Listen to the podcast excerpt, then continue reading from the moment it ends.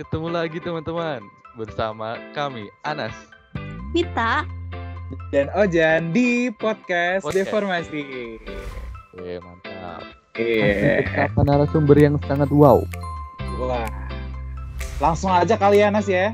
Udah nggak sabar nih teman-teman kayaknya. Iya nih udah gak sabar nih Yuk kita cek wawancaranya Yuk. Dah, udah. Podcast Deformasi. Kreatif, edukatif, menghibur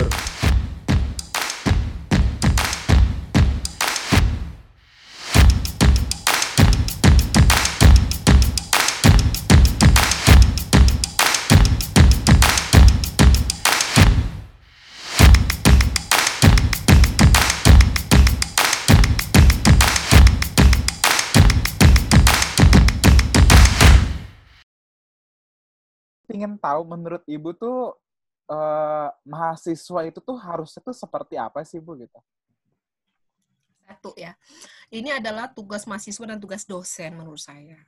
Cuman kan kadang-kadang kalau menurut saya, ini sudut pandang saya beneran pribadi ya. Eh, kalau boleh mengakui, memang ada beberapa dosen itu yang memang mungkin jadi dosennya, mohon maaf, ya kepaksa gitu loh ya, gitu loh. Karena saya melihat ah, dosen yang memang jadi dosen karena ingin gitu loh ya, dan karena suka itu loh, suka itu maka dia akan berusaha memberikan yang terbaik atau terus belajar ya. Kadang-kadang kita ngerasa gini ya, saya pernah jadi mahasiswa, kadang-kadang gue tuh kasihan juga ada dosen, sebenarnya dia pinter, dia ingin menjelaskan dengan baik, tapi kemampuannya segitu. Nah, gue tuh masih kayak, ya udahlah kasihan juga nih bapak ya, gitu loh ya. Tapi kadang-kadang kita tahu bahwa nih dosen kosong nih, tapi kayaknya mau marah-marah aja, ada gitu ya. Dan dan saya tahu itu kalau kita ngajar dari hati pasti sampai ke hati. Nah, harusnya berawal dari dosennya dulu dia ngajar tuh harusnya dia tahu ini mendidik anak bangsa yang sudah terpilih di ITB tuh udah kualitasnya tuh udah oke harusnya ya tinggal ditempa tetapi ini nggak boleh bertepuk sebelah tangan begitu dosennya bagus ya maksudnya sudah nyiapin segala macam yang harus ada itu adalah sambutan dari mahasiswanya juga dia harus mempersiapkan dirinya dan cara supaya betah dengan bagaimanapun wujud dosen tuh ngajar karena kan ada yang enak ada yang nggak enak tergantung orang kan itu adalah bagaimana dia harusnya menemukan minatnya sendiri itu terhadap mata kuliah tersebut atau ilmu tersebut. Dan ini dua sisi harusnya. Dosen juga men-trigger itu supaya mahasiswa tersebut suka sama ilmu yang diajarkan. Yang kedua, mahasiswa juga berusaha memaksa dirinya supaya dia suka sama ilmu ini. Jadi bukan cuma ah gue gugur kewajiban aja dah, gitu udah gugur ya wes ya bodoh amat cik. Nah itu loh akhirnya kayak menjadi apalagi kalau dia tuh tipikal orang yang suka menyebarkan energi negatif ya Nah, itu tuh udah deh curhat sama temen, dia menegatifkan temennya, temennya juga yang tadinya suka jadi pandangannya ke dosen atau ilmu itu jadi enggak. Jadi itulah social life yang harusnya memang menurut saya di ITB itu yang harus dibentuk dan itu yang kebentuknya itu adalah semacam himpunan ya gitu-gitu.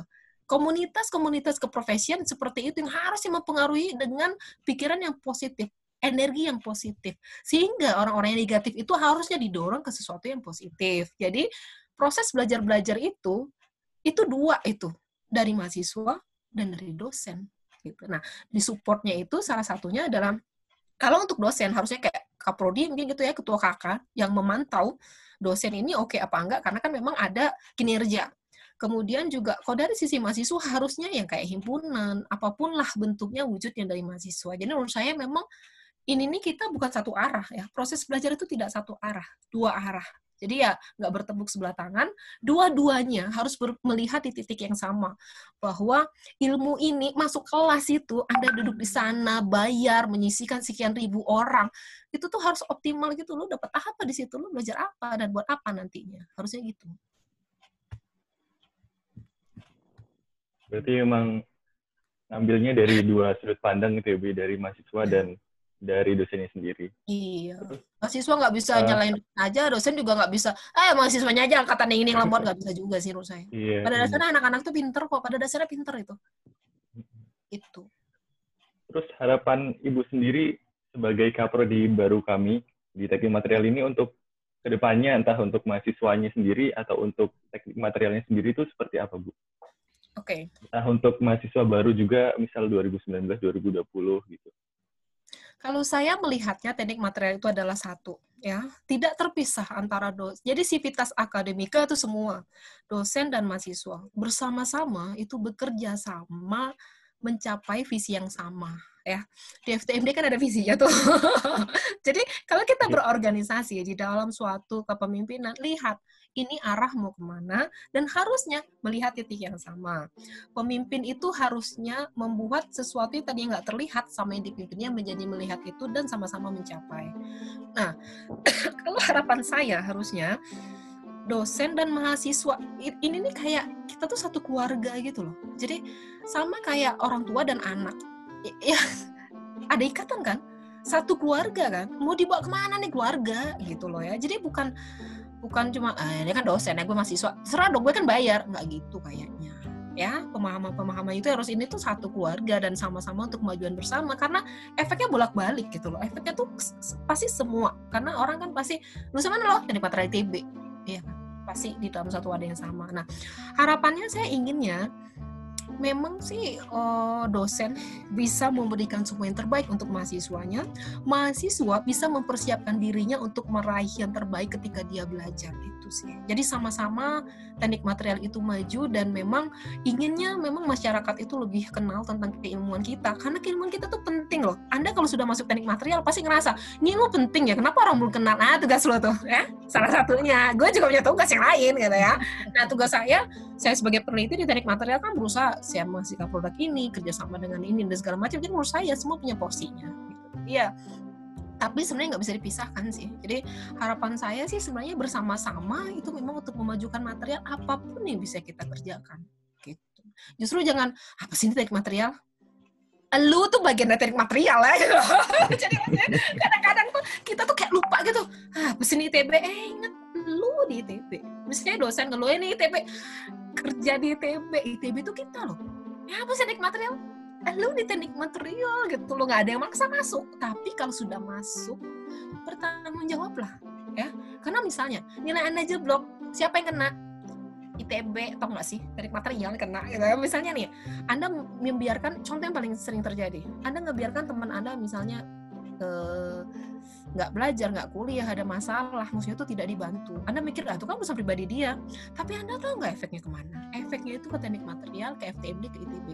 Karena begitu ada mahasiswa kita yang misalnya DO, mundurin ya, ya bermasalah, efeknya itu adalah bisa ke akreditasi, ke ke apa ke sistem kita segala macam gitu loh. Jadi menurut saya tuh hmm, di situlah soft skill ya kepedulian dan segala macam tuh semuanya harus berjalan. Jadi bukan hanya belajar doang di ITB itu bukan maksud saya masuk kelas terus selesai enggak.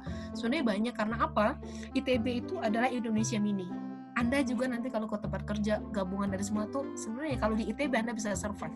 Anda bisa bagus. Insya Allah tempat kerja juga karir Anda akan bagus gitu jadi kayak yang apa yang menurut saya sih kesadaran itu dulu harus muncul. Jangan ngata-ngatain ITB atau material lah lu yang di sana. Sana gini, mungkin ada banyak masih ada banyak kekurangan, tapi yang kita pikirkan ini loh maksud saya. Jadi mentalitas positif itu yang harus ada, yang harus kita sebarkan. Harus kita pikirkan, oke okay, ada yang kurang, gimana cara perbaikinya? Jangan fokus kepada masalahnya aja. Ini masalah pacar. Ya lo sampai 12 tahun juga ngelisnya banyak. Tapi kalau ada masalah mungkin kita lebih fokus how to solve the problem. Ini ada masalah mungkin situasinya seperti ini gimana cara kita nyelesainnya dan itu menurut saya itu kayak lebih enak ya. Maksudnya itu lebih enak. Kita nggak nyalain siapa-siapa. Kita kayak nggak kayaknya tuh kita tuh ngarepin orang aja ngelakuin sesuatu. Nah sekarang apa yang kita bisa kerjakan gitu? Jadi ya karena itu kan pasti akan berimbang apa berimpas satu sama lain gitu. Mungkin begitu sih. Jadi kayak semacam saling bertanggung jawab lah dalam komunitas yang sama. Jadi ya jangan ngejelek-jelekin teknik material juga lo di situ gitu. Jadi dan saya kadang lihat tuh ya ngejelekin teknik material kamu mau di mana sih? Kita itu teknik material gitu loh. Jadi maksudnya hmm. kayak ngebuka aib sendiri gitu loh. Eh lo ya maaf buka baju sendiri ngeliatin. Yang malu siapa sih sebenarnya? Gitu ya. Nah, luar kadang ketawa-ketawa aja gitu. Jadi ya Nah, mental-mental seperti itu yang saya berharap dengan adanya kayak himpunan, ada kegiatan apa segala macam itu berusaha untuk menyebarkan energi yang positif, untuk maju-maju bersama, ada masalah kita selesaikan bersama dan mental positif itu yang sebenarnya nanti akan membangun kehidupan belajar mengajar tuh kayak lebih asik, lebih enak gitu loh. Ya mungkin ujian susah segala macam tapi ada. Percaya dosen itu mahal, maksudnya gitu lah buat ngedidik lu gitu lah ya. jangan lupa loh ya yang sudah jebolan-jebolan ITB itu memang biasanya yang terbaik Green anda punya kesempatan seperti itu gitu loh ya. Cuman kalau masih ada kekurangan segala macam saya bikin normal lah ya gitu loh ya gitu tapi kan bukan berarti kayak yang harus kita buka aibnya apa segala macam tapi gimana nih cara kita menyelesaikan. Nah kalau misalnya dari himpunan misalnya ada masukan untuk prodi segala macam saya pikir welcome aja gitu. Oh ada yang harus diperbaikin. Kadang-kadang kan kita nggak bisa ngeliat diri kita sendiri ya. Kita harus dilihatin sama orang kita harus lihat di cermin gitu ada refleksinya.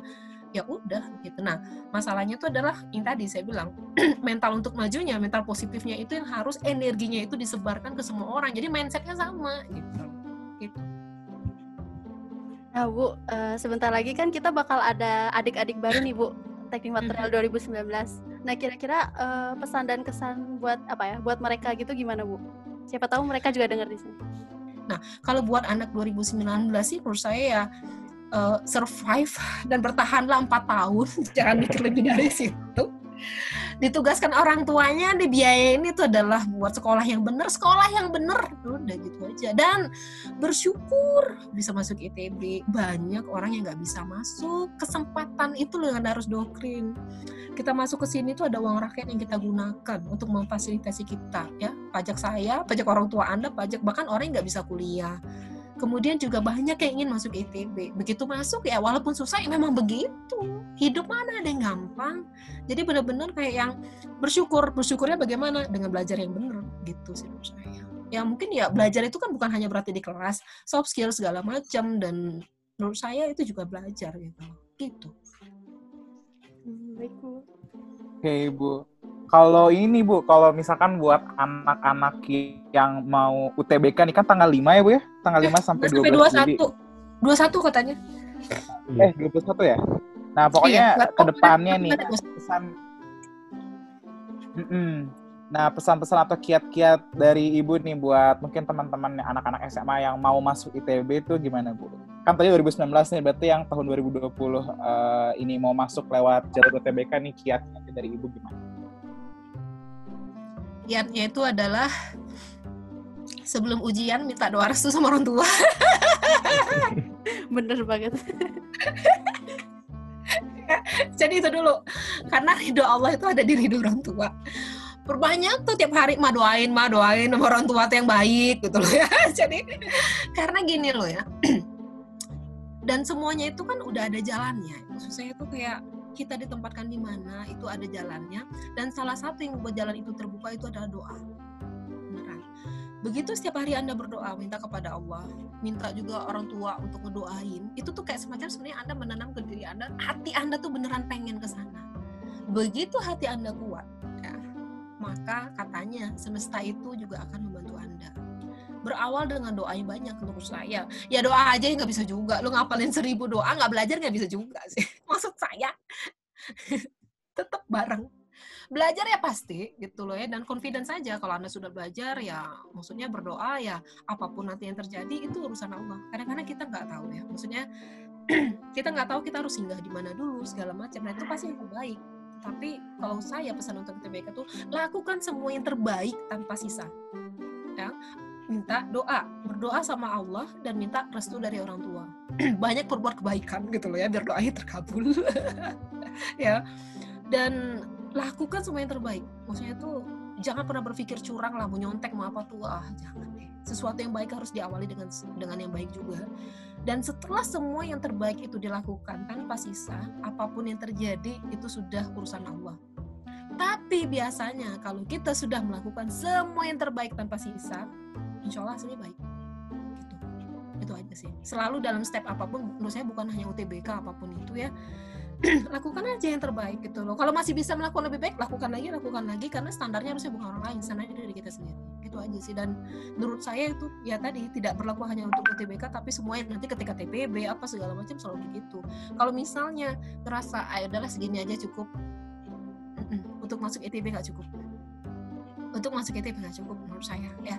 Jadi benar-benar kayak yang saringannya sangat ketat ini adalah nasional gitu loh ya. Dan menurut saya ya Allah memilih orang-orangnya untuk itu. Yang hatinya sangat kuat yang kerjanya sangat keras.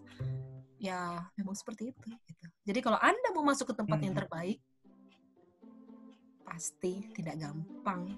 Tapi apakah susah banget? Ya usahain nggak juga sih gitu.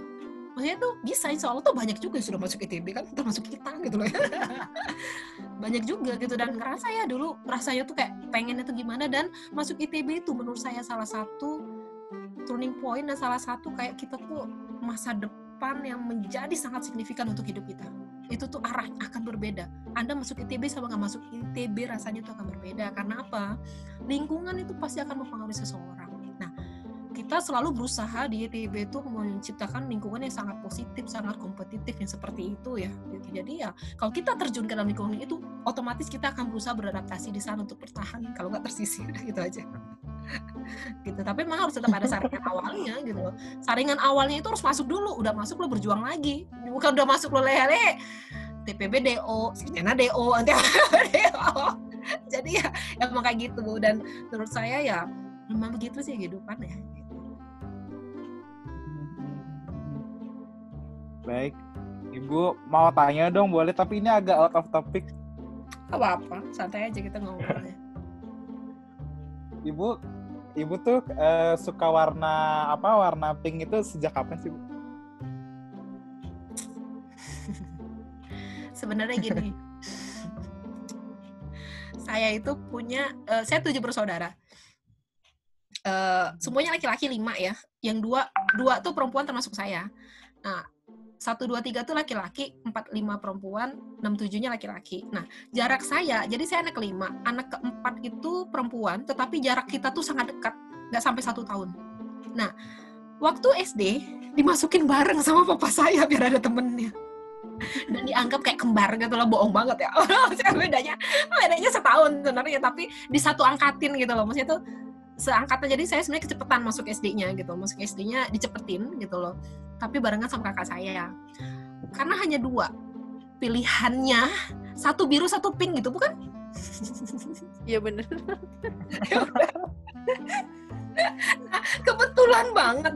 Dari kecil itu saya karena saya adik gitu loh ya dan dia kakak dia biasanya yang milih duluan atau dipilihkan duluan. Jadi saya ngalah gitu loh ya. Nah biasanya papa saya atau mama saya kalau beli barang karena kita tuh dianggap dalam tanda kutip kayak anak kembar. Jadi dari kecil tuh udah satu kamar semua barang pokoknya tuh beneran selalu disamain gitu karena bedanya dikit dan sisanya kan laki-laki gitu ya. Kalau beli barang itu dia milih tuh yang warna ya kalau nggak biru gitu loh ya atau yang lain selain pink atau merah. Saya dapat sisanya gitu jadi sebenarnya kalau ditanya sejak kapan awalnya dipilihkan. Tapi lama-lama jadi kayak kenapa barang gue? Saya ingat banget ya waktu SD ya dibeliin kan dulu kan musim meja belajar olimpik gitu kan. Nah kakak saya milih dia biru gue pink gitu loh. Dan selalu begitu ya. Akhirnya ya kayak tertanam kayak nasib gue pink.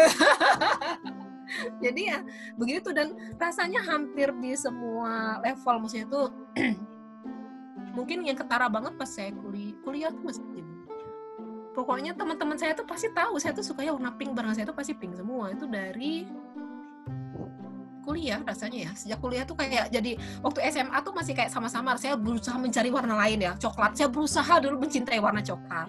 Warna lain. Maksudnya kayak apa sih ini warna ini terus? Gitu. Gue juga kayak panik gitu. Ini warna ini terus? Nah SMP SMA saya berubah saya berusaha merubah jati diri saya sebenarnya dengan mencari warna lain. Tapi kayaknya nggak match ya. Baliknya ke pink lagi ya udah. Jadi akhirnya ya udah karena barang juga jadi kayak gitu ya kayak kayak spontan aja gitu loh. Jadi ya spektrumnya energinya di sana kayak. Dan hampir semua teman saya sampai waktu saya di Jerman ya bahkan profesor saya tuh tahu saya suka warna pink itu dia tahu banget gitu loh ya.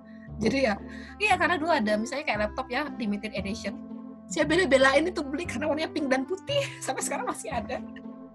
Dan saya sidang pakai yang pink. Jadi kayaknya tuh semangat saya tuh beda kalau pakai barang tuh warna pink. Jadi ya hampir semua sih. Teman saya tuh kayak kayak tahu banget tuh saya suka tuh warna pink. Sampai juga ya saya beli mobil saya tuh gara-gara warnanya pink gitu loh. Ya agak-agak malu-maluin. Teman gimana sih? Maksudnya ya ampun Mar lo pink apa nggak norak ya? Eh gimana ya? Maksudnya ya udahlah gitu ya gitu sih sebenarnya jadi kalau ditanya sejak kapan awalnya dipilihkan kemudian saya berusaha untuk berontak gitu ya cari warna lain mencari jati diri yang lain. Ya, kayak gitu. Jalannya di situ. kayak kayak kayaknya akhirnya energi saya spektrumnya di sana karena kan memang itu Hmm. kan mencerminkan kepribadian juga kan sebenarnya ya. Jadi saya berusaha dulu juga merubah warna itu tapi eh, susah kalau sudah ngeliat barang pink tuh kayak yang pink gitu loh gitu. Wah, makasih banyak Bu. Udah kita udah dapet banyak banget cerita dan motivasi dari Bu Mar. Ini mengenai pengalaman-pengalaman dan pandangan beliau. Wah, tapi Nas, sebelum kita akhiri, Jen mau ngasih tahu nih Nas. Jangan lupa follow Instagram kita di @deformasi.ntm. Follow juga Instagram Cim kita di @cimstagram.official dan subscribe juga nih YouTube kita di Deformasi MTM ITB. Bye bye semuanya. Dadah.